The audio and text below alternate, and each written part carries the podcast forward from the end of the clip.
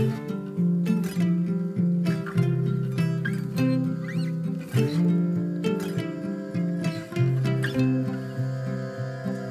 listening to the podcast For Health med Anna Sparre, which is a Swedish podcast, but since we sometimes have English speaking guests, we also do some English episodes.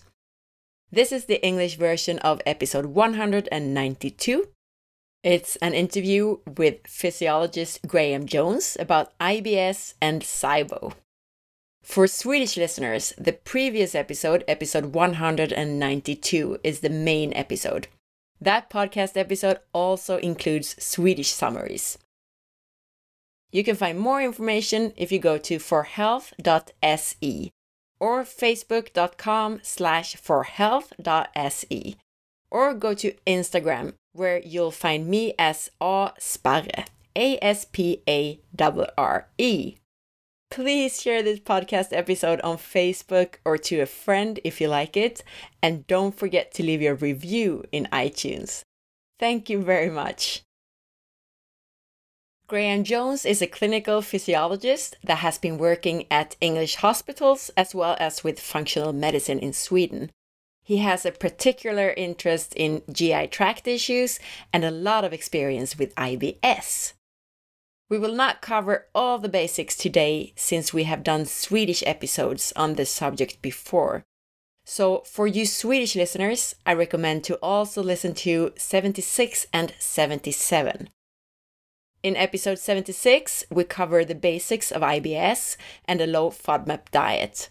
And in episode 77, we discuss the ins and outs of SIBO. I've also recorded, but not yet released, an episode regarding what is considered the third form of SIBO, the hydrogen sulfide SIBO, which I realize after editing this episode will be a perfect follow up to this.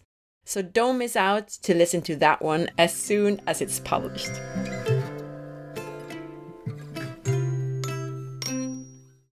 Graham, welcome to the show. Thanks for having me. Let's start with you telling us about your background and how you got involved with IBS. Absolutely. Uh, my background is I'm a clinical physiologist from the UK and I um, have worked in fitness, health, and medicine for, for about 12, 12 years or so now. Um, so I worked for a, a, hospital group called Nuffield Hospital shortly after leaving university, um, where I worked with many patients who came in for, for health assessments. So I worked with a, a team of doctors and other physiologists. And of course, what was very apparent on seeing six, eight patients a day is that many patients have IBS or complain of these irritable bowel um, symptoms. So I became interested in in in, that aspect. Um, but it's been over the years where my knowledge has developed, and as I've worked more and more with the private system, um, I've got a lot deeper into trying to understand it and help to resolve patient symptoms. So, um, so it really started with Nuffield Hospitals, and then as I as I moved from Nuffield Hospitals and went into working in the Harley Street district in London, which is the, the private medical district, I worked in a chronic pain clinic with lots of different medical specialists and surgeons. Again, IBS is something that constantly came up, and we would see in some patients when we helped to improve their IBS that their their pain symptoms um, and particularly low back pain would get better. Uh, and then it also uh, led into I worked at a place called the London Clinic with a, a group of private medical doctors again, and, and, and these are just symptoms that we constantly see in, in medicine is our patients complaining of IBS symptoms all the time, and it's very prevalent in a lot of different conditions. So, really, my my interest has, has been in that for uh, for uh, for many many years because it, it affects people's quality of life.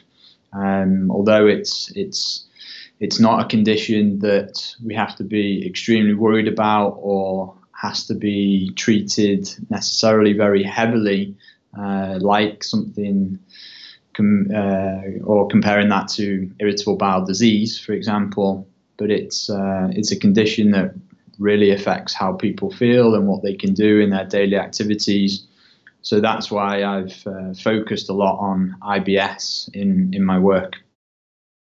Yeah, and you've become one of my go to persons when it comes to gut issues and IBS issues if I have any questions regarding my own clients, I usually turn to you with my questions, so I can just highlight that you're the you're the expert, definitely. uh, yeah, absolutely. I mean, a lot of, um, I mean, a, a, large proportion of, of patients that I, I see at Nordic Clinic in Stockholm, um, they they come with a whole variety of of uh, of gut symptoms and gut conditions, and and also I've I've worked for uh, a parasitology laboratory based in the US. Um, so I've seen a, a, lot of stool analysis results over the years, and I've I've helped a lot of patients with with different problems.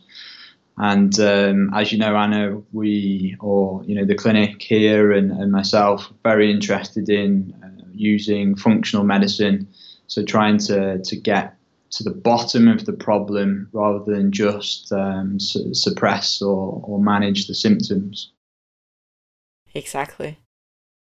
And you stating that a lot of people have these IBS symptoms, that leads us to the next question. What is actually IBS? Uh, well, IBS is a it's a common gastrointestinal, so digestive system disorder.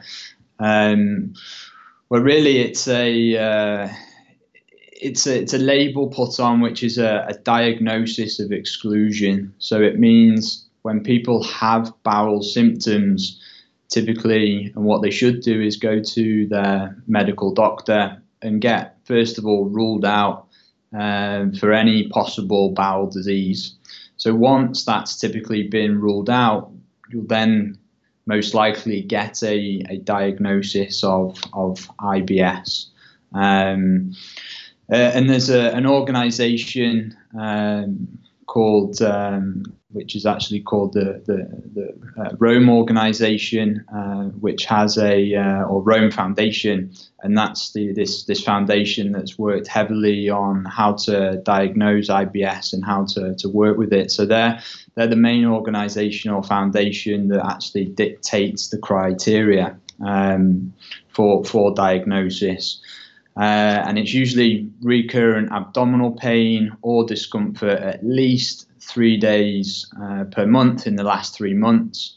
And it's usually associated with um, uh, two or more of the following, which is either an improvement with defecation or a, an onset associated with a, a change in frequency of, of stool um, or a onset associated with change in form, so appearance of the stool. Uh, so it, it, it's very much around um, how often you go to the bathroom, and uh, and, and, of course if there's any uh, abdominal pain or discomfort that is uh, affected uh, or is influenced by that. Yeah, and the like flatulence or that you feel bloated. That's that's kind of common too, right? Yeah, um, I mean the, the, the criteria is really they're trying they've they've been changing the criteria, but it, I mean discomfort um, is is really you know any kind of uncomfortable sensation um, uh, around which which of course can be caused by by gas and bloating um, that that people often report with with IBS. Uh, so it, it, it is related to yeah th- those those factors, uh, frequency of, of toilet habits um, and discomfort or pain related around that, uh, alongside bloating um, and uh, and gas. As you said, it seems to me like most people with stomach issues, GI issues, they just get diagnosed with IBS when doctors can't find anything specific that's causing the issues. So th- the question here is is IBS really one single disease or can it be caused by different things?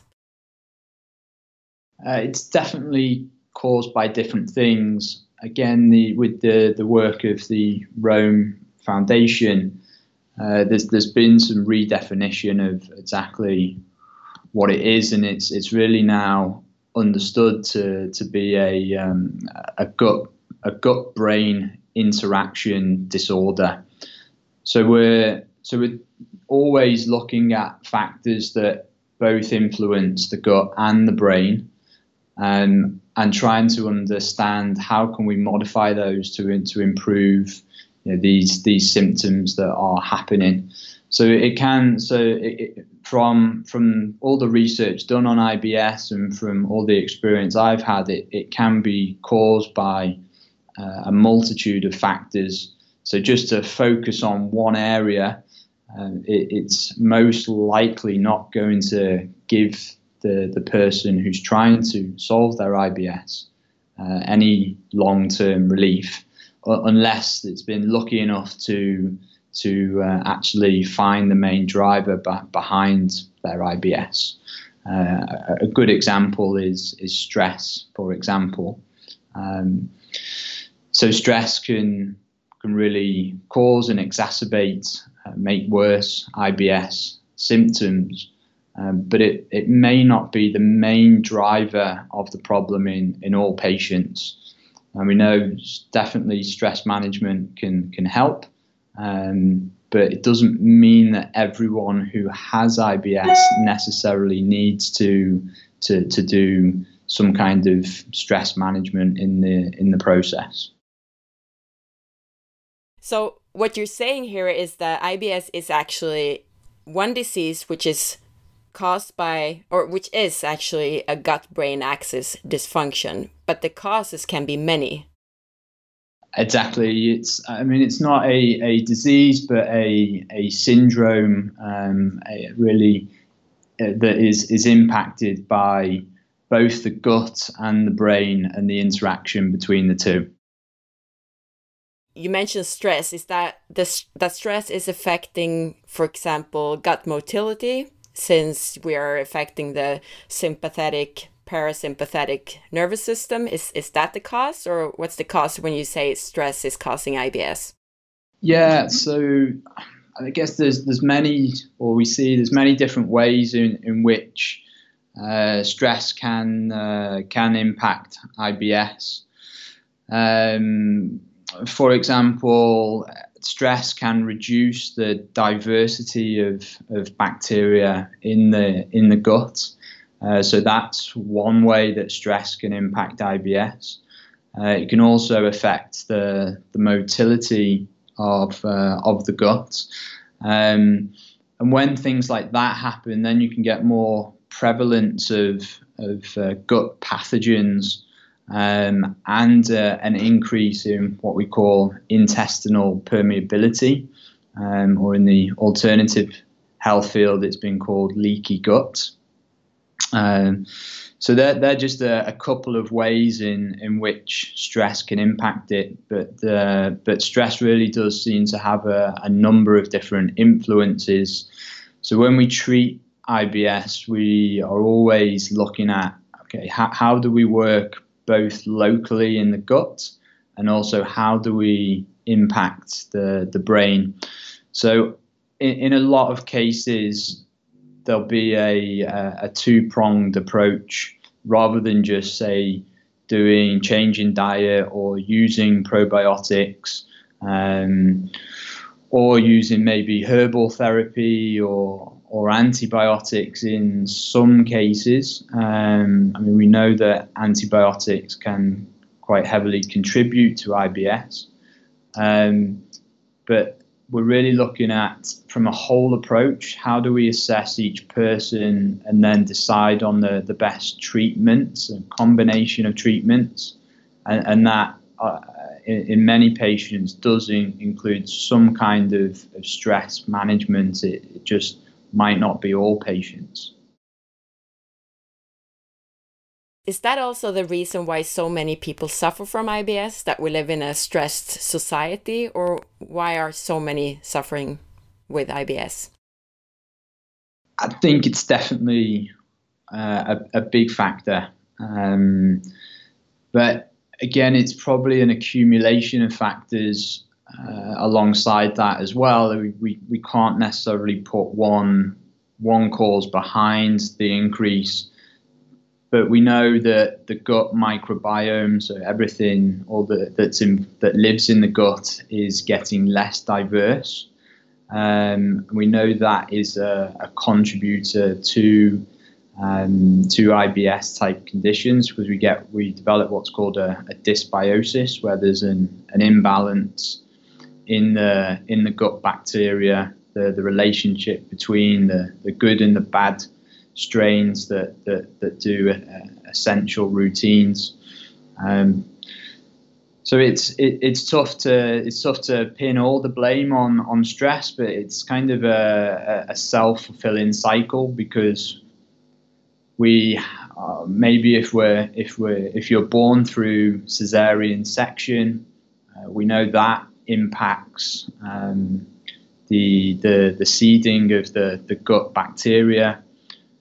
Then, um, if you have antibiotics early on in life and as an adult, that can impact and will impact the gut bacteria. I mean, we know that that foods can impact the situation. It can be thyroid health, early childhood trauma, and some kind of uh, abuse. Uh, for example, has been linked with, with IBS and what's called visceral hypersensitivity. So where it's uh, it's a lot easier to get pain in the in the gut. Um, we know that hormone levels, uh, so typically women suffer with IBS at higher levels than men. Uh, so things like estrogen and progesterone are impacting the, the gut bacteria and vice versa.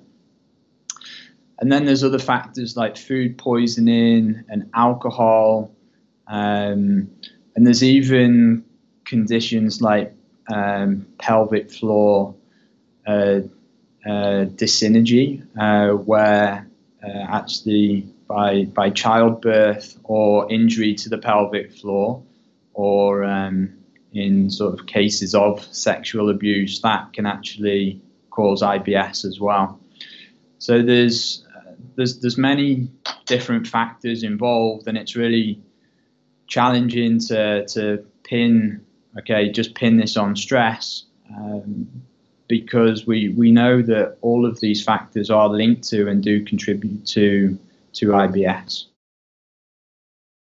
What's really interesting now, you said that the female hormones, for example, can influence this. And does that have to do with the fact that our gut microbiome is actually active in recycling estrogens, for example? Or is that, or what's that connection? Yeah, um, there's a there's a a couple of different ways, but the microbiome uh, it uh, it does impact estrogen levels through uh, the secretion of uh, an enzyme called beta glucuronidase. Um, so there's there's that way, and then also that we know, for example, through the menstrual cycle, that then a, a production of or a, uh, either low levels of estrogen or high levels, and also the uh, progesterone itself will can and will have a, an impact on the on the gut flora. So there's a lot of exchange of information between the production of hormones in our body and also the, the microbiome. So, I mean, it's been a really exciting period, especially for microbiologists, because they've been talking for many years about uh, the this this huge amount of bacteria and, and other things like like parasites and fungi that, that live within our digestive system and uh, and really contribute to to so many things in the body. But there, there is uh, I mean there's links to conversions of, of hormones. Like we know that for example, thyroid hormones, the conversion of T4 to, to T3 is also uh, impacted in and done partly by the gut bacteria. So even if there are uh, imbalances in the gut bacteria, it can affect the thyroid function in that way. So we have lower levels of of uh, of T3, which then slows metabolism, which then also will negatively impact the um, the the motility of the digestive system. So we know that hypothyroid patients are also likely to have IBS just because their metabolism in general is a lot slower, and that impacts the the, the gut motility. Interesting. IBS is that just that kind of discomfort, or could that actually be signs of a more serious problem? Yeah, exactly IBS possibly can be uh, a sign of something more serious. But that's why I would say it's very important to to talk with a medical doctor and to to, to rule out the possibility of something like irritable bowel um, uh, or inflammatory bowel disease, rather um, IBD.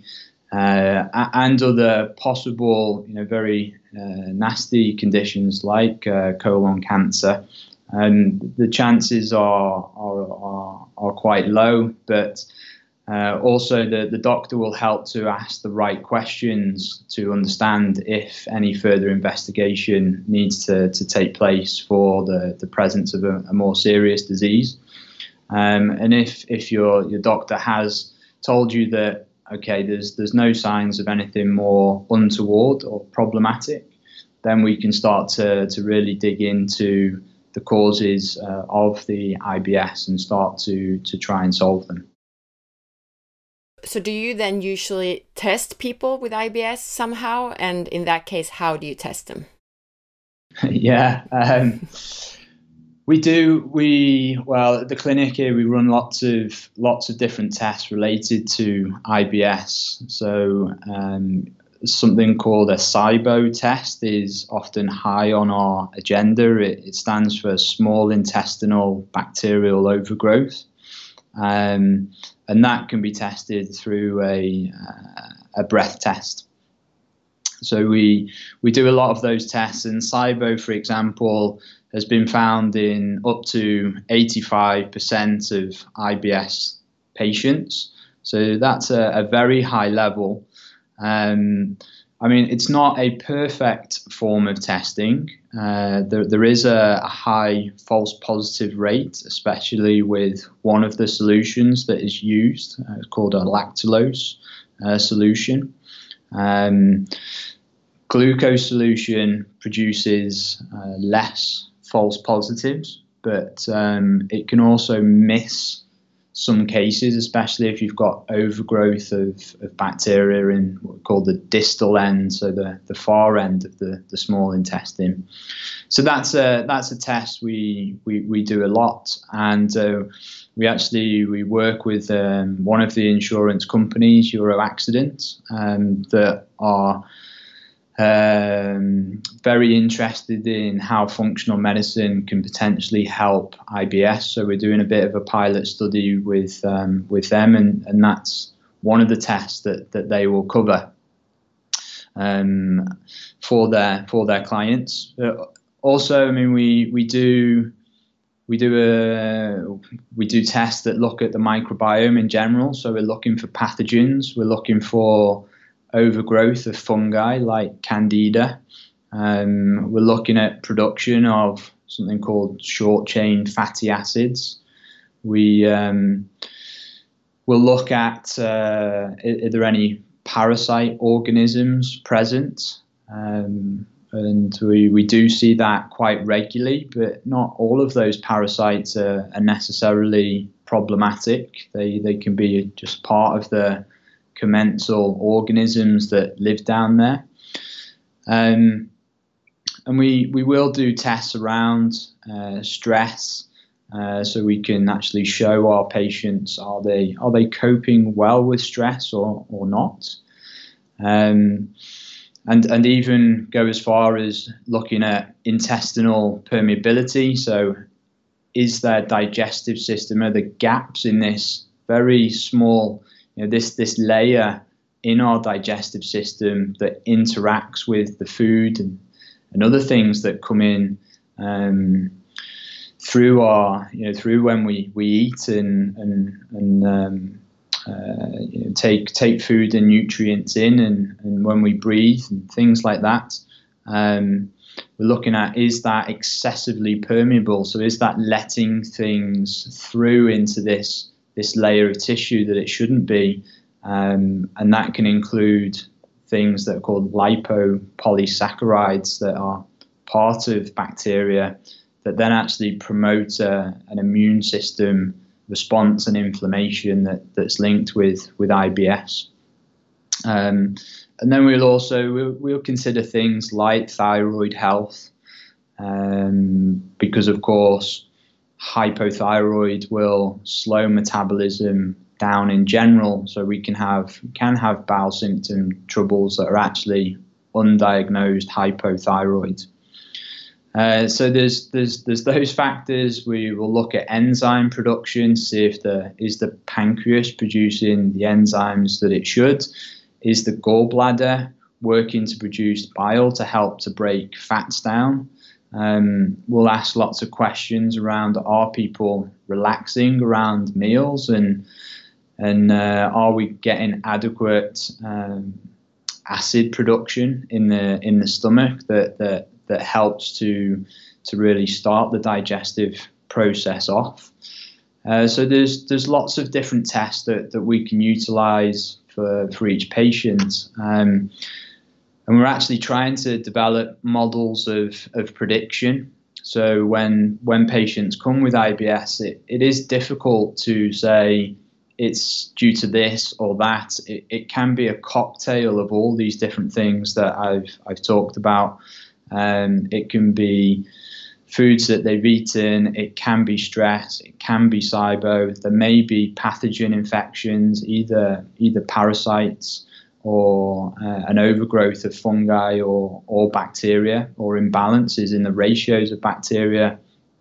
Um, so we, we do have to consider all of these factors and, and, and one thing that we're trying to do is do a lot of these tests together because then that highlights a, an individualized uh, treatment approach to each patient.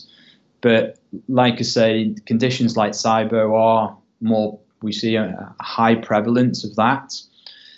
So many of the patients that come where they've been ruled out for uh, some kind of inflammatory bowel disease or something that's worse, and they come to us for IBS. I mean, statistically speaking, SIBO is a good first test to run because we know it, it, it is prevalent in, in a, a, larger amount of the you know this population with IBS.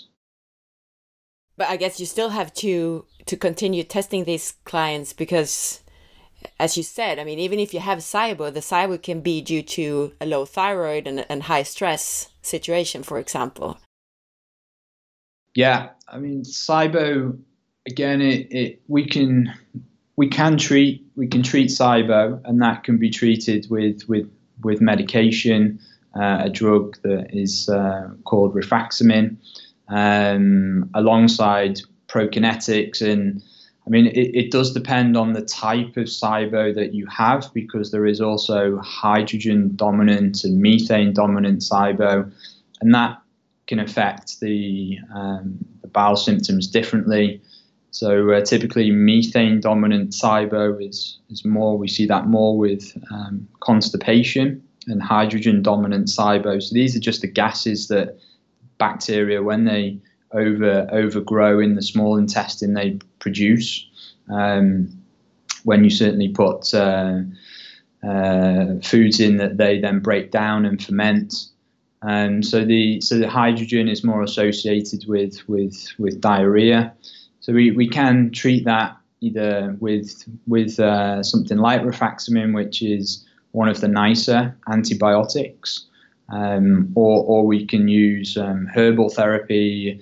Uh, and actually, for methane dominant cases, it's it's things like allicin, which is uh, one of the active ingredients in, in garlic, is is more effective than something like uh, rifaximin for, for methane dominant cases. So we, we, we have to look at all of these factors and then develop a, a unique treatment plan. Um, and then we, again, with, with SIBO, we have to try and look at the underlying why do we think has that has SIBO developed because we can we can treat it and it will go away. But also the big problem with SIBO is that it's um, very prone to relapse. So uh, patients that, that have have treatment, uh, they can be fine for a while, and then the SIBO can develop again. Uh, so that's where it gets it gets more uh, more difficult, and we we have to always be looking at our patients' lifestyles and habits, and we have to think: is is stress uh, the contributing factor here, or, or, or is it diet intake, or is it is it alcohol? Is it any of these other things that I, have I've mentioned? Um, and then try and you know again try and change behavior and patterns because ultimately it, a large amount of um, the problems that we have with the digestive system are, are caused by by our behavior and, and lifestyle e- even if we don't like to admit it. Many many people don't don't want to to take away things like um, alcohol from from you know, what their, their their social lives. I really want to highlight what you just said there because, as you said, a lot of the time you can treat the SIBO, but it comes back because you haven't addressed the underlying cause, which could be a slow gut motility, which could be caused by stress or, or low thyroid or whatever uh, in the first place. So I just wanted to highlight that because that's so important that you can't just, you know, have a treatment and then everything is fine. Yeah, I mean it could it could also be things like ileocecal valve dysfunction. So we need we may need a, a visceral physiotherapist to, to help to work with that. Um, it can be because of chronic proton pump inhibitor, um, so PPIs that actually inhibit or, or uh, the production of um, of acid in the stomach, which may be used for a, a re, know, when when patients have acid reflux. Um, but then, of course, when you reduce the acid levels, I mean, the food is supposed to mix with acid and then move into the small intestine, and and we have enzymes and bile that is produced by the gallbladder. So the, the small intestine itself is is not going to be as acidic as as the stomach, but it but it is a slightly it's a more acidic environment. Certainly, when you get into the, the more proximal end, the, the start of the small intestine, and as you get further, the, the pH will, will get more and more alkaline. But that you know, more acidic uh, in, in uh, production of, of acid or the, the acid production in the stomach and the bile production, it, it does help to, to keep the, the, the bacteria low in the, in the, in the small intestine. Uh, so the, there is a reason there, and that the small intestine is not meant to have a large amount of bacteria living there, compared to once we, we move into the colon. Um, then the uh, then it then it's supposed there's, there's supposed to be you know, billions occurring. So uh, we're, we're, always trying to to understand the contributors, especially to to SIBO, and address it. Otherwise, we you are going to end up in a cycle of, of, of treating SIBO, relapsing, treating it, relapsing, and um, uh, and this especially with methane dominant SIBO, it's uh, it's a, a, very it is a more, much more difficult condition to treat and work with, um, and uh, but I would say we get more, especially in those cases, we work much more on this this migrating motor complex so that's the this this wave type action that helps to move bacteria downwards. Um, and if that migrating motor complex is dysfunctional and it's too slow, then it's easier for the bacteria to grow up uh, up into the small intestine. Um, normally, the areas like the ileocecal valve should block that from happening, but if that's dysfunctional as well, then this combines to this to this SIBO, you know, this overgrowth in the in the small intestine. Um, so again, having uh, things like a, a 12-hour fast overnight that helps to stimulate the migrating motor complex, um, and uh, compounds like like ginger um, can also be helpful. Or, or in the, from a, a medication perspective, we, we can use prokinetic drugs that, that help to to uh, to encourage that process. Um, and in chronic methane dominant cases, I'd say that's where we've really got better results is by um, really stimulating that migrating motor complex. And that is also quite heavily linked with, with stress as well and promoting this you know, vagal tone activity, so this relaxation response. Um, so it, it is it is complex, and we're learning all the time. And there's new pieces of, of research coming out, and, and this is just talking about SIBO, um, which in it when it's which in itself is there's there's a lot to learn, and I've spent many years working with different SIBO cases and, and, and trying to help them. Um, and the, the, the methane dominant ones are the are the tougher, much tougher cases. I was just going to clarify that actually. You said a few things earlier. One thing is that you've talked about the hydrogen and methane gases that different bacteria in the gut produce. And that's also the gases that you measure when you do that kind of breath test for SIBO, right? Yeah, exactly. So uh, we take a baseline test um, just to see, okay, what's the production of those gases like without the challenge solution and then we you, you drink the, the, the challenge solution, which is typically lactulose, but we also use glucose. Um, and then we, we're, we're looking at what is the production of those gases. So when that solution hits the small intestine, if there's an overgrowth of bacteria, they, they, they start eating the solution, and then we get fermentation process, and then we get production of hydrogen um, and uh, or methane. And the hydrogen cases that's more linked to the diarrhea, sort of loose stools, and uh, the methane more to the constipation, right? Uh, yeah, that's that's correct. And another thing you said, which is very interesting, is that in some cases it's much more efficient with these like natural herbal compounds than with actual antibiotics, right? Yeah, um, I mean, there's definitely in the research there's there's good evidence to show that herbal therapy is as good as um, rifaximin, which is the drug of choice. It's used a lot more, particularly in the US, and um, for for treatment of SIBO. Um, yeah, these these herbal compounds definitely seem to work very well um, but it, it doesn't always be might not always be the best choice for for patients. I mean, we have to look at um, their ability to, to take and use them. Is there any risk of allergy? Um, and uh, and some for some patients, using the medication is is a lot easier. Um, but particularly for methane dominant, then the one um, the one treatment that seems to be most effective is, is this uh, allicin, you know, garlic. Um, so uh, that that is the the one where we, if we really want to get good results with a methane dominant case, uh, we do use a, we, we might use a combination of factors, but but allicin is the our, our one to go to and use. Um, but but some people also react negatively to that. So we, we have to take all of that into consideration, and we we have to try and develop a, a, protocol that is going to work for that individual patient.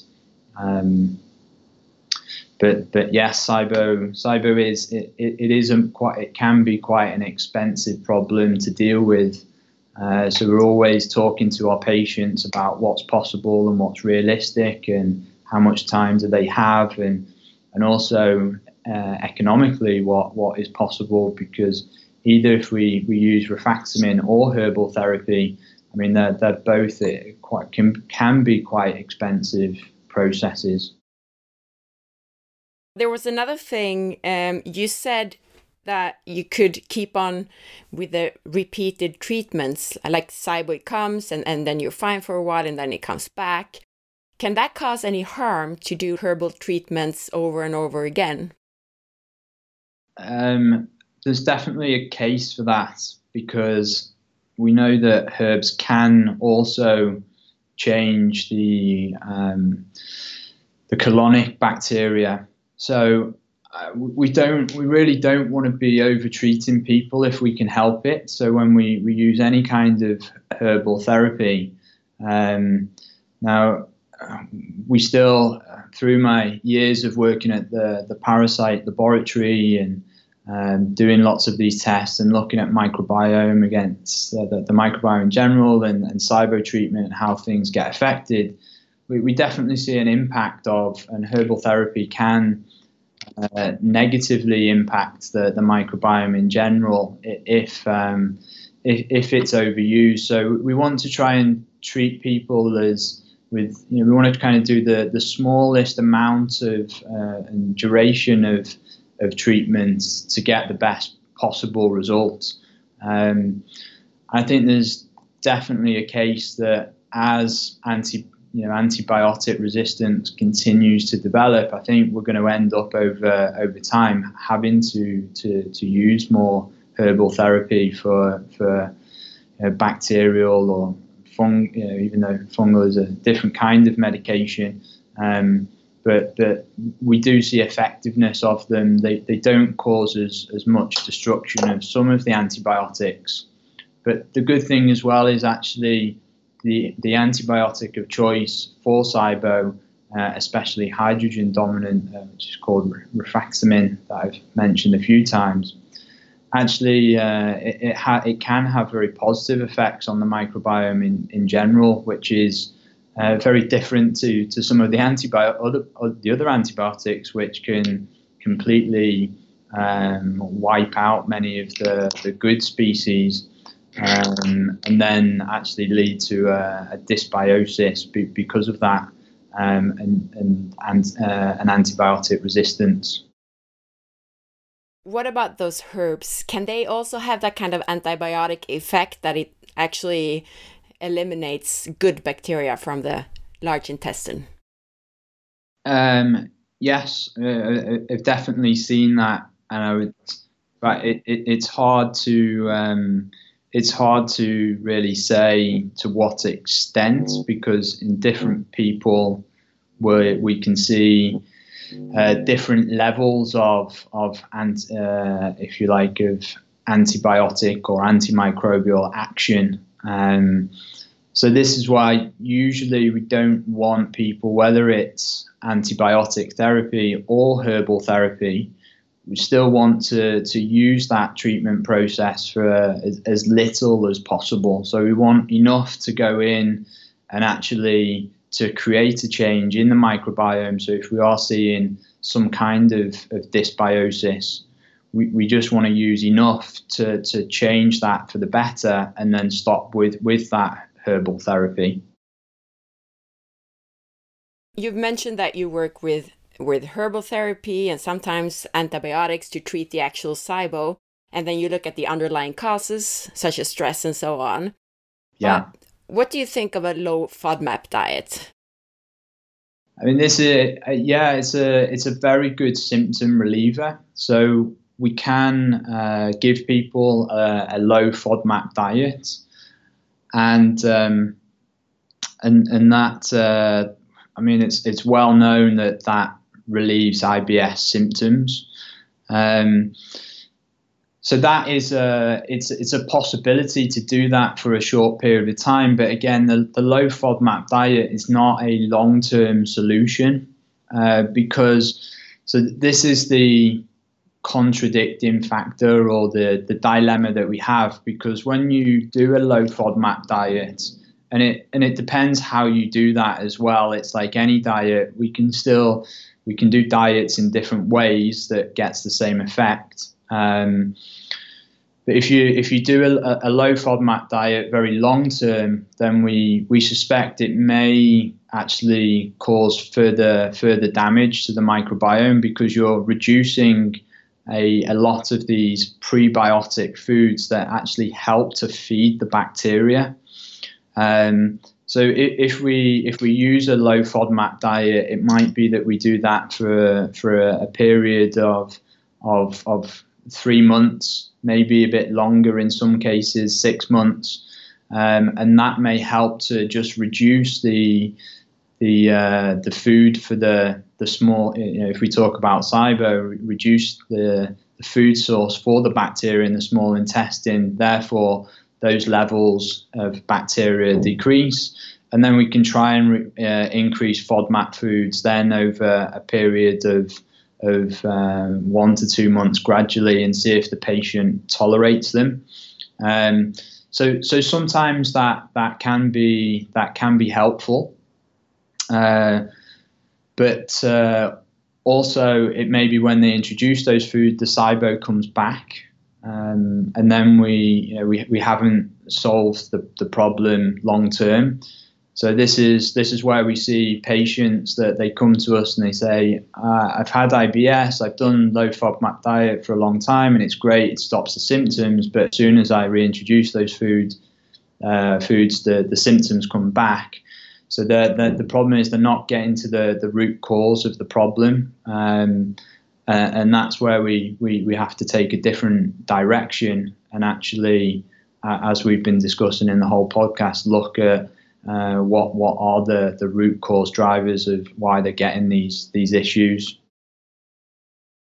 And I also just remember that I should also recommend the listeners to listen to episode 76 and 77 where we actually talk more about the basis of this like the basics around fodmap or low fodmap diets and SIBO and so on. So listen to those two episodes first if you think this is complicated. Yeah. Speaking about a low fodmap diet in general what do you think how should a person eat if they suffer from IBS it's a great it's a great question. Um, I, I, don't think there's necessarily one way. I mean, there's another diet called the elemental diet, which you do for two weeks, and it it, it is a it is a hard, a very hard diet. It's not particularly enjoyable, but again, we know that is as effective as medication or herbal therapy for for um, for treating SIBO as well. I think if if you're not going to do any testing uh, or it's difficult to do any testing, you, you really have to experiment. It's just it's a trial and error method. I mean, you can try low FODMAP. Um, you could try the elemental diet. Um, you could try just changing the foods that you eat in general. So looking at uh, the amount of grains, such as wheat and um, you know so breads and pasta um, or grains in general like uh, rice and more simple carbohydrates you could try and take those away. Uh, you can try a, a, food rotation and elimination diet which which actually removes many of what uh, people report it seems to be common offenders like uh, gluten and, and cow's milk. Um, so it's difficult to really say, okay, this is the best way for every person, but statistically, the uh, I mean, for IBS in general, I would say that the, the low FODMAP diet seems to, to be the most effective. Um, but it doesn't mean you have to go that far. Uh, we've had patients that get better from taking away gluten or, or nuts or, or you know, beans and things like pulses. Um, the, there are lots of possibilities and, and uh, to, to explore and that people can try without having to, to get into very deeper levels of testing. Uh, so I mean it, it's great and that's that's essentially free. It doesn't involve any investment. But also the problem is, is you may be doing that for for for a long time, actually trying to work out what's what's going on. Whereas testing can be helpful just to get you straight to that process. Um, uh, without having to lose maybe a year or two years or five years, whatever it is, where you, have been suffering with IBS. Um, so you can you can get to you know a very much more efficient process uh, through through actually utilizing testing if it's if it's possible. Let's say that you test yourself and you the test result for SIBO comes back positive and you treat it with a herbal therapy or antibiotics. Yeah. And then afterwards how should you do with the diet then? Should you go back to eating FODMAPs immediately or should you rather not for a while? How would you say?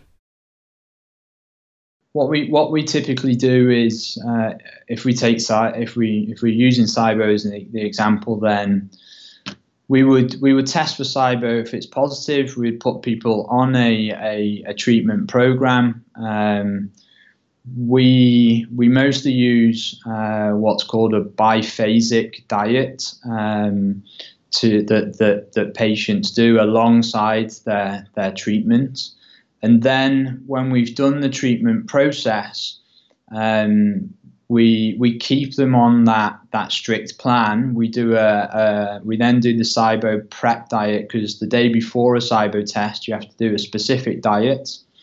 Um, we we retest the patient, we keep them on that diet until we get the result back, and then depending on that result, we then decide what to do next. So if the result then comes back as negative for SIBO, then what we'll do is we'll we'll typically um, take the patient through a, a, gradual reintroduction of of foods um, over over a period of of classically two or three months and, and monitor symptoms as as we go. If the um, if they're still positive for SIBO, then we would would classically go into a, a second round of, of treatment um, because some SIBO cases are, you know, they again, it, this can be happening for, for 10 years or, or even longer. So it's really difficult to, to often solve some of those cases in one round of treatment. It, it, it may need multiple rounds to, to get to a level of, um, of, of what is considered a, uh, a normal level of bacteria in the, in the small intestine. So it's a it's a, a process of uh, of constant evaluation and um, and, and trial and, and error um, so we're, we're using the tests alongside the, the symptoms and and the, the, the, patient's own experience to, to try and get them back into some kind of balance point as, as quickly as possible. And also, as we've been discussing a lot, you and I, the thing about herbal treatment that bacteria they are so adaptable so uh, you have to really you know rotate herbs and and go up and down with dosages and stuff so that they don't you know get used to it the bacteria in the gut. Yeah, uh, absolutely. Um, they're, they're seeing, they, I mean, they're, they're incredibly adaptable. I mean, that's why they're, they're here and live in billions inside of us. And there's even theories that we have evolved purely to, to house the bacteria that, that live inside of us, uh, which is uh, quite, quite interesting when you think about it. And we know that you know their their level of genes and all these things much larger than ours. And it, I mean it's so fascinating when you when you you get into this. Um, but uh, yeah we you know, with this whole situation it, it is uh, it is this fine balance of of trying to to you know look at look at all the data. We, we may need to for example we may need to to use probiotic therapy alongside um, herbal therapy or antibiotic therapy. Um, that there may be, you know, maybe that we want to actually, when we, we do a microbiome analysis, that the, we've got SIBO overgrowth along with very low levels of good bacteria in, in the colon. And then it gets it gets more tricky because we, we don't want to push those good levels down a lot further. Uh, so we, we may start with actually trying to, to boost the good bacteria and see if that's possible and, and doesn't affect symptoms too negatively, and then build in some some treatment. Um, so yeah, it's it's really uh, there's there's definitely uh, a lot of science to this, but there's also a, a little bit of, of art as well, um, and we you know, we we we we we're learning as we're going. I think everyone is uh, around the world with with SIBO. Um, there's, there's not necessarily an, an, exact way to do it, and that's what makes it tricky to to to treat. But going back to the diet, there, while treating, for example, while treating with antibiotics or antibiotic herbs, is there a point in eating quite high FODMAP just you know to keep the bacteria happy while you're killing them so to speak? And then after the treatment then eat a low FODMAP diet for a while to starve out the the leftover bacteria? Yeah. I um i mean uh, exactly. There, there is definitely, and for example, in one study, they they gave rifaximin, the drug, alongside guar gum, which actually feeds the bacteria. So one of the lead researchers in the world, um, uh, Pimentel, um, said that you you you know it's better to feed them whilst you kill them because that that makes a more effective process. Um, so we we've really, I mean, I guess we're in the middle of looking at all of this here at the clinic uh, about okay, do we do we feed them and, and then do we starve them? And I think there's definitely some some merit in that approach and and this is where this this biphasic diet comes in because it, it does include some food for them. Um, so we, we are feeding them whilst we're we're killing them. Um, and then I, I, agree with what you're you're saying that once we we've got the levels down, the, the then we, we don't want to suddenly put all these high FODMAP foods back in and, and chance uh, a relapse straight away.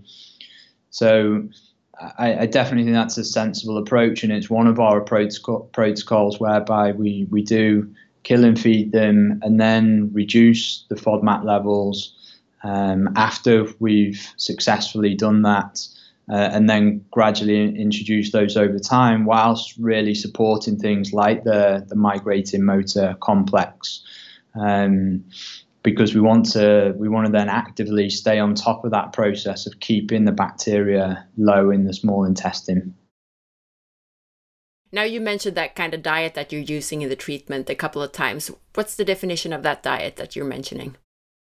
Um, that's a, a, great question. It's one that we've started to use recently. Um, and actually, there's a, a lady called uh, Rebecca uh, Coomes, which has uh, she she's developed a um, uh, a, cookbook, um, which is uh, if you if you search her name, um, so it's Rebecca Coomes and the the biphasic uh, biphasic diet. Um, then uh, you can actually buy a cookbook that explains all about it, um, and that really helps people along um, to to actually try and try and get through uh, to get through this this process of, of treating the SIBO.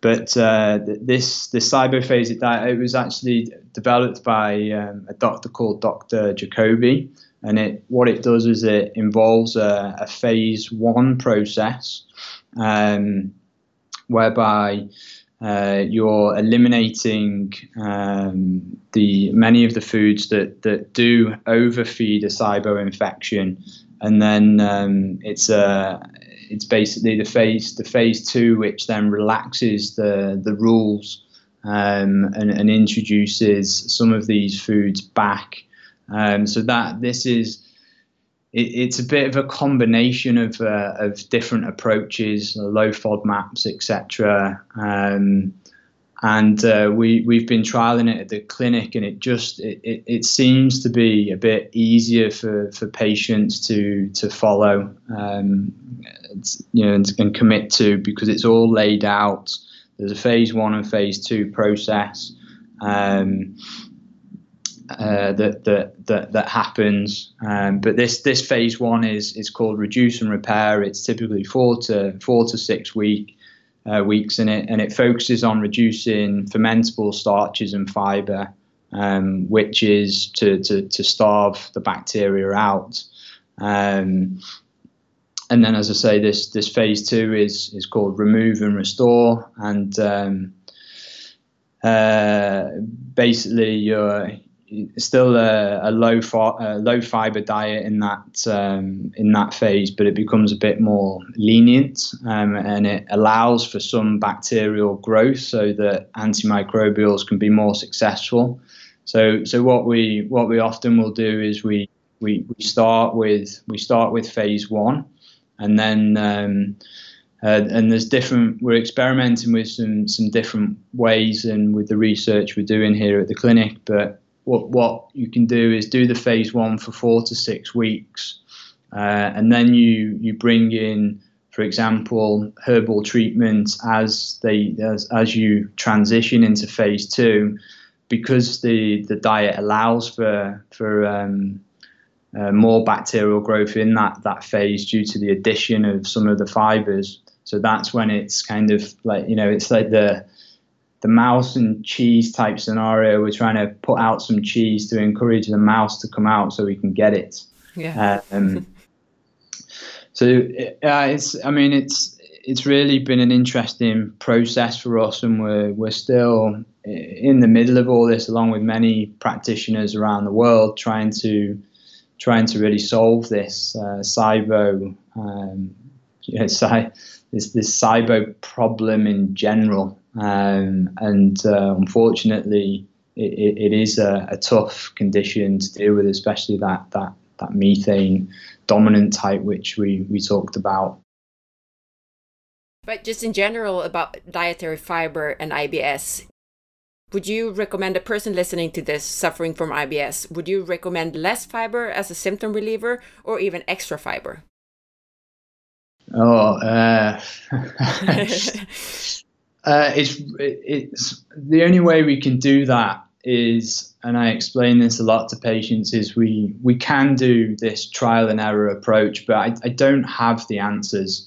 I mean, if it's more if it's more of a con if it's a constipation that um, is due to lack of fiber in the diet, then we know that fiber will be helpful. But the problem is if it's a um, if it's constipation due to uh, a SIBO infection, then actually fiber can be quite unhelpful and make symptoms worse. So it's like everything we do at, at the, the clinic and how we work, we're trying to identify the, the best solution um, based on the scenario. Uh, so when we, we don't do any testing, we, we get into this trial and error area. So it gets difficult to, to really predict what, what's best. Um, uh, and, sometimes we, we can get that right straight away, and sometimes we, we do get it wrong. And, and uh, but but as I always explain to everyone who, who comes here as a patient, is that well, here, here are your options. We can do a trial and error approach, and, and this is the pros and cons to that. That it means you you don't have to invest in in testing, um, uh, so that can can save money. Um, but it also on the downside may mean that we try this this what we think is logical, um, but it but it may not have an effect and, and even make you worse. But but that also tells us information because if someone eats more fiber and they get worse, then that that can tell us that this is possibly a a SIBO um, a SIBO issue.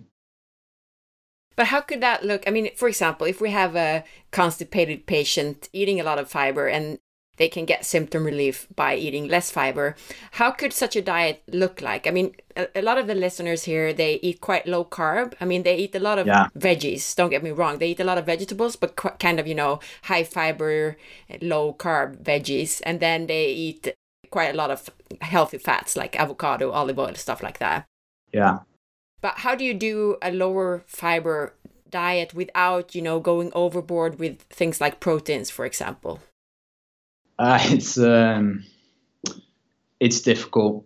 Um, I mean, if you're trying to reduce any kind of major constituent of, of the diet, some you, are going to have to replace it with something. Um, so if we're trying to reduce fibers down, of course, that that limits our our, our vegetable intake in particular.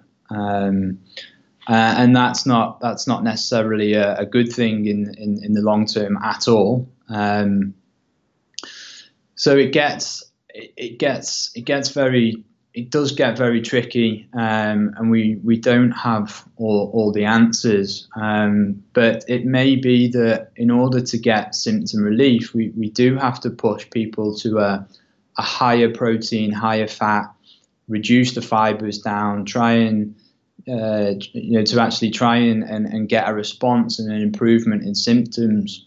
I mean that that's what we're we're after and what we're looking for.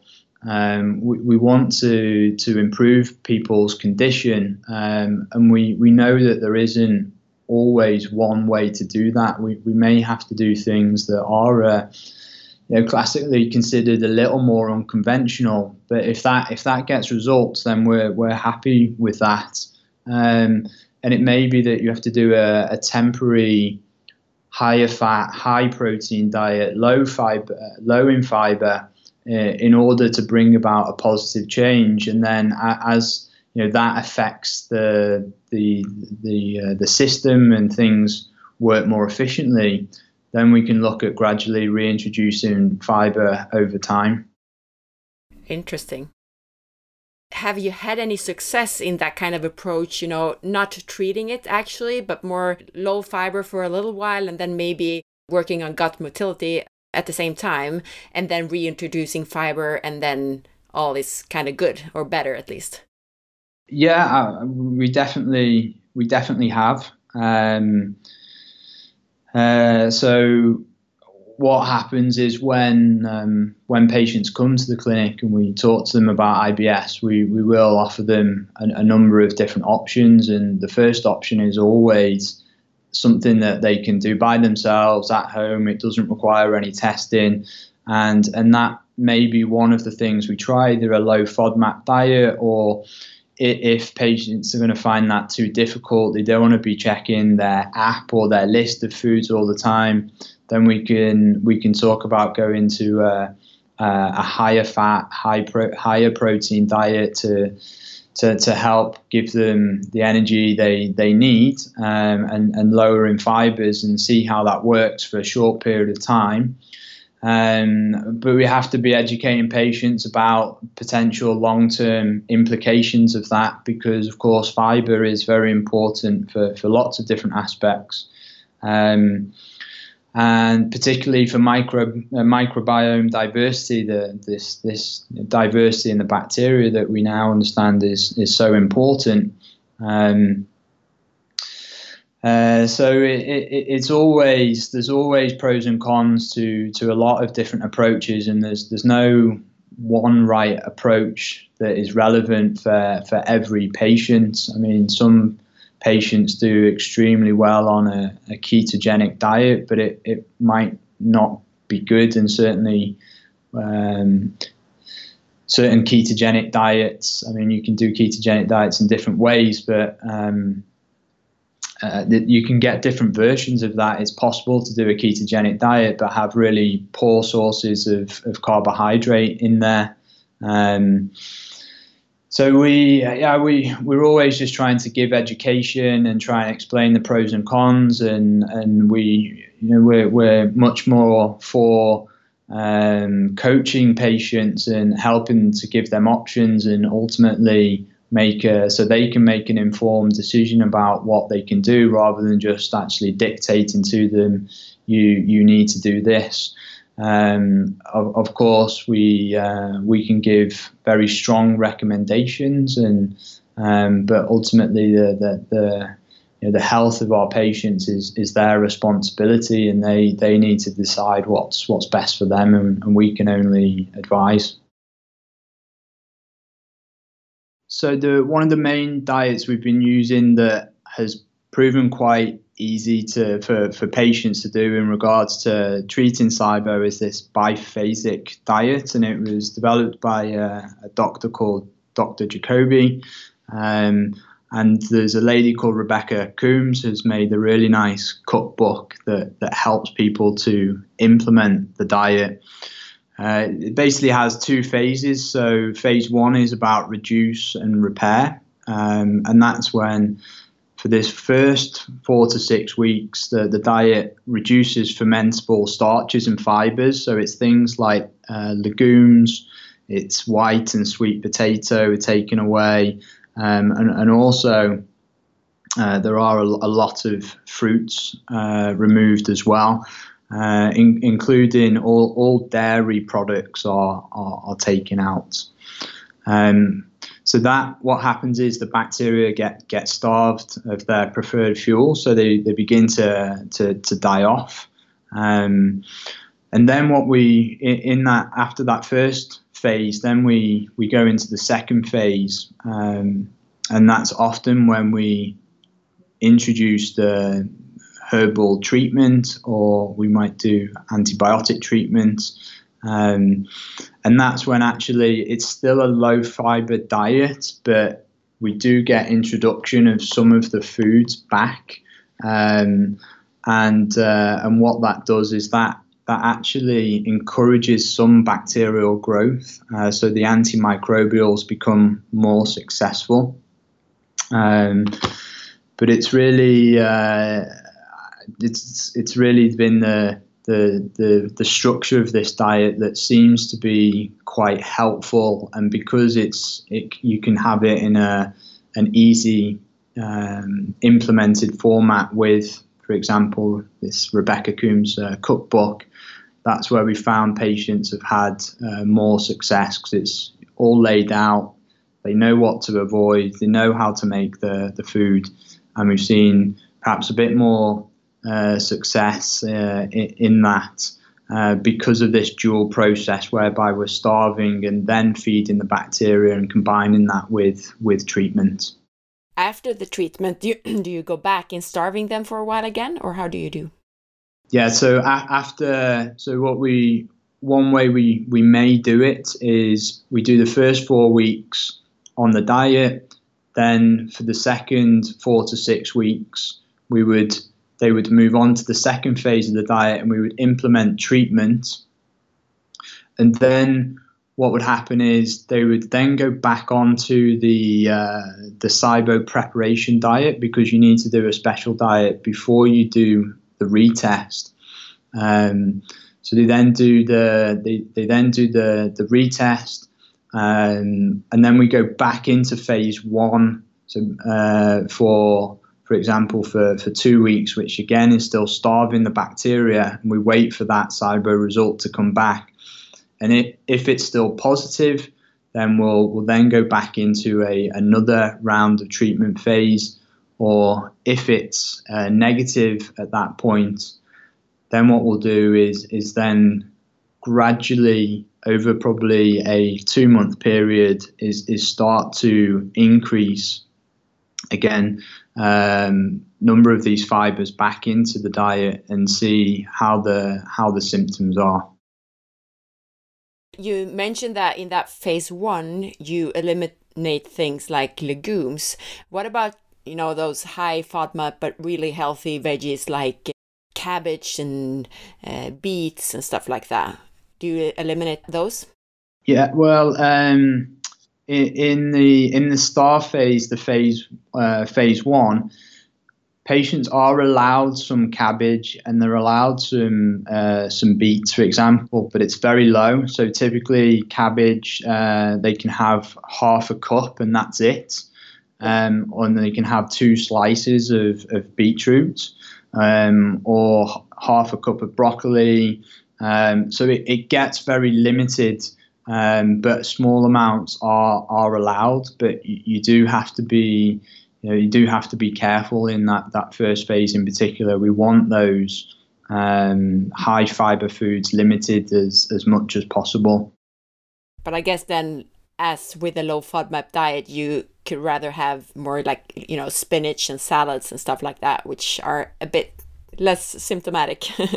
Yeah, yeah, you you um, absolutely you, you you can have like spinach, but again, it's uh, you still can't um, you still can't do a lot of them. So this this this diet does it, I mean it greatly reduces all all of those. Like I say, it, it is um, it is very similar to the low the low FODMAP diet, but with these these it's the, the the beauty of it is the combination of the two phases and how you you link that with treatment to to try and um, trick the bacteria a little bit and, and help to kill them off.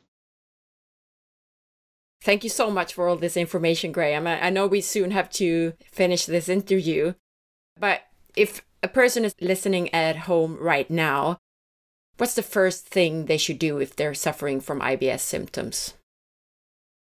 I think definitely the the first thing is is to um, have a just have a discussion with your doctor about it, and just make sure that there's first of all there's nothing else that is untoward going on there.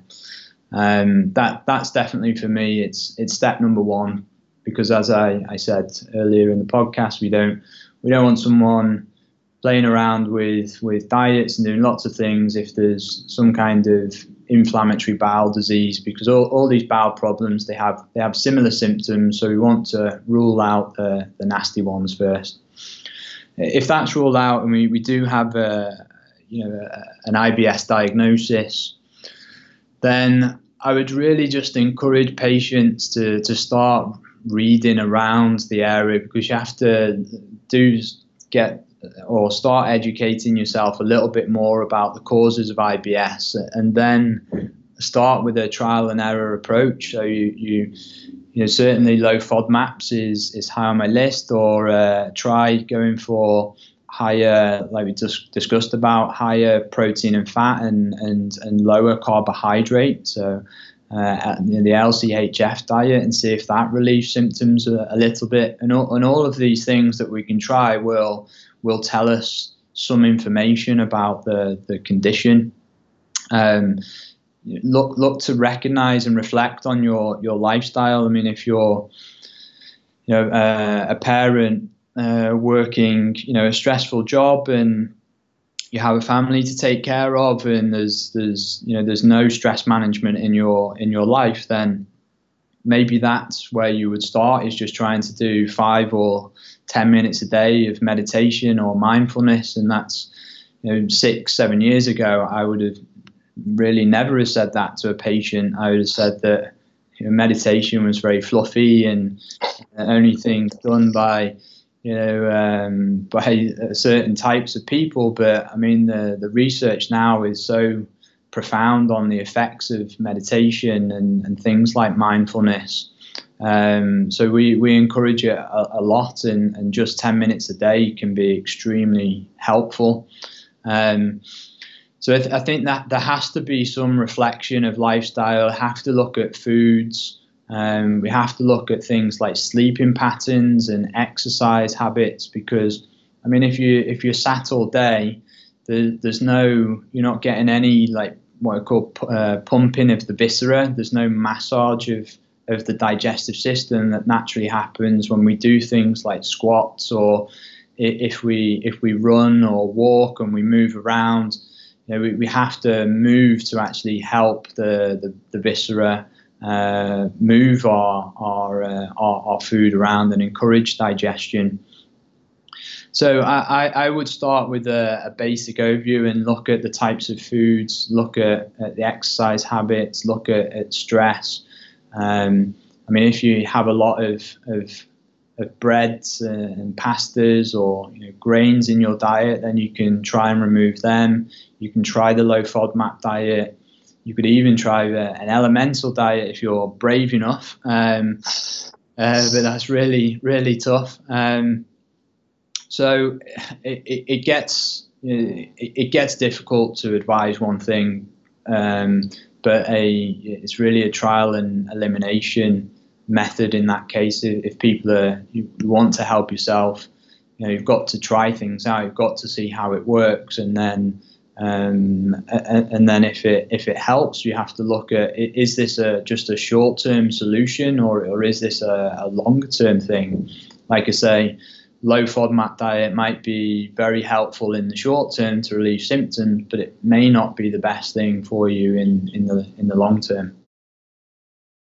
Thanks for giving us some very practical advice, Graham.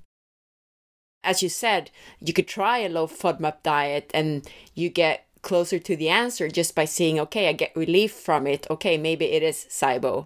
Maybe I should get tested. Yeah, yeah, it's, exactly. But I just say it is a because of IBS, it is a good a gut brain axis dysfunction. Um, you have to consider all these other things. If you if you've just been uh, on, on holiday and picked up some kind of uh, food poisoning there, and you come back and you've got IBS, you, you may have a, a, gut pathogen. So you, you need to get you need to get tested for that.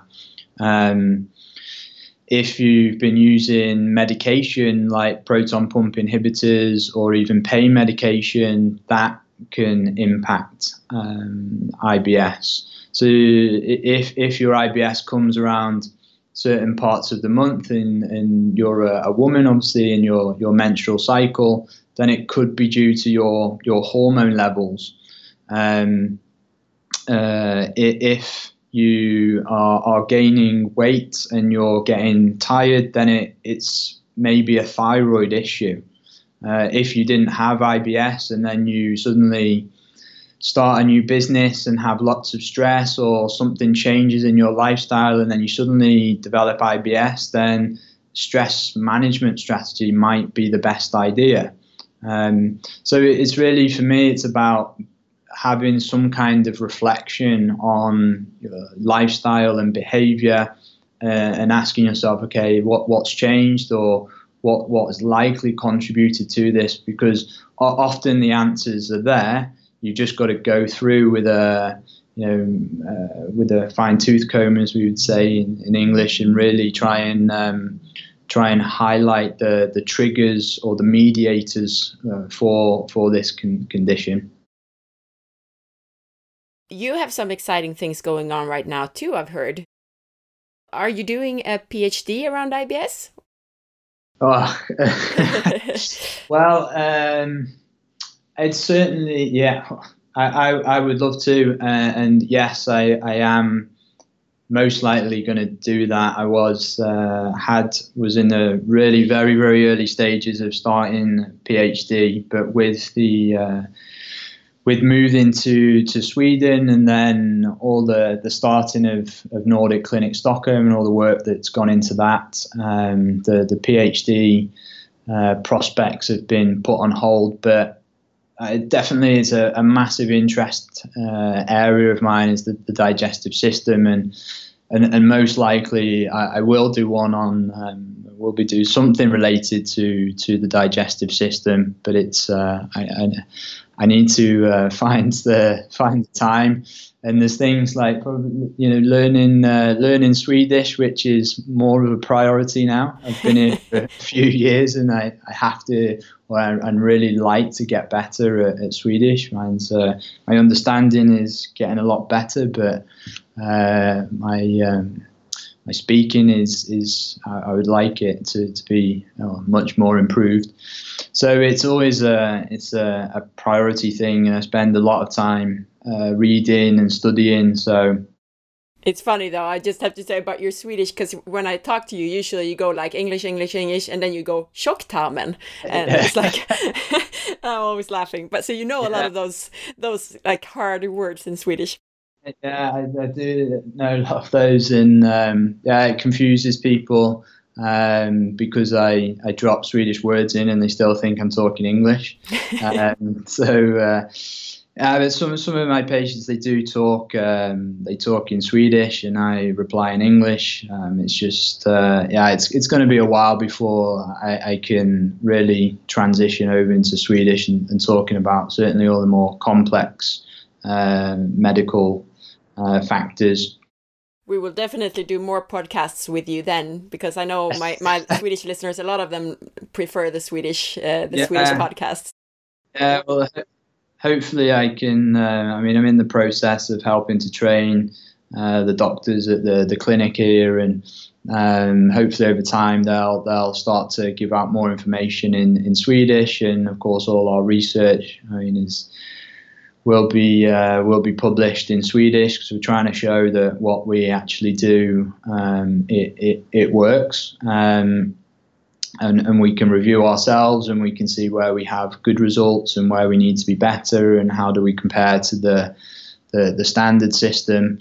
Uh, so yeah, it's all. I mean, there's there's a, a, lot of a lot of interesting projects going on, and we're involved in a, a number of different chronic conditions like Alzheimer's and and chronic pain and chronic fatigue, and uh, we're we're just really interested to to see and show how functional medicine can hopefully offer offer more help to, to these patients. Um, because I mean we have we have a great system here in Sweden for for acute problems. And I mean we've got some fantastic research in in some of these chronic disease areas but uh, where we seem to be very lacking is is linking this all together and looking at the the drivers and the causes of these these problems um, so we're we're hoping that functional medicine is going to come in uh, and, and fill some of those gaps.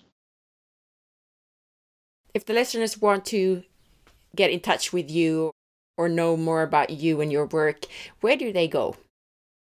Uh, they go, you can go to our, our website, which is uh, it's nordicclinic.se. Um, and that's the that's where they can find out more about uh, about me and the team and so all my the rest of the team is is Swedish. It's just uh, me, which is uh, the uh, the English problem. Uh, so uh, yeah, I mean, most of our our, our consultations are, are, are done by or um, they're, they're partly done by by Linus, our, our medical doctor. Um, and we have uh, another doctor joining the team very soon, and our, our nutritional therapist is also Swedish. Um, and we also try and have a, in all of our appointments, we, we have a, a, patient educator, especially with me, that, that can help to translate things if it if it gets a bit too tough uh, for me or the, the patient. Um, but but Nordic Nordic Clinic SE uh, is uh, is where we have most of our information. Perfect, Graham. Thank you so much.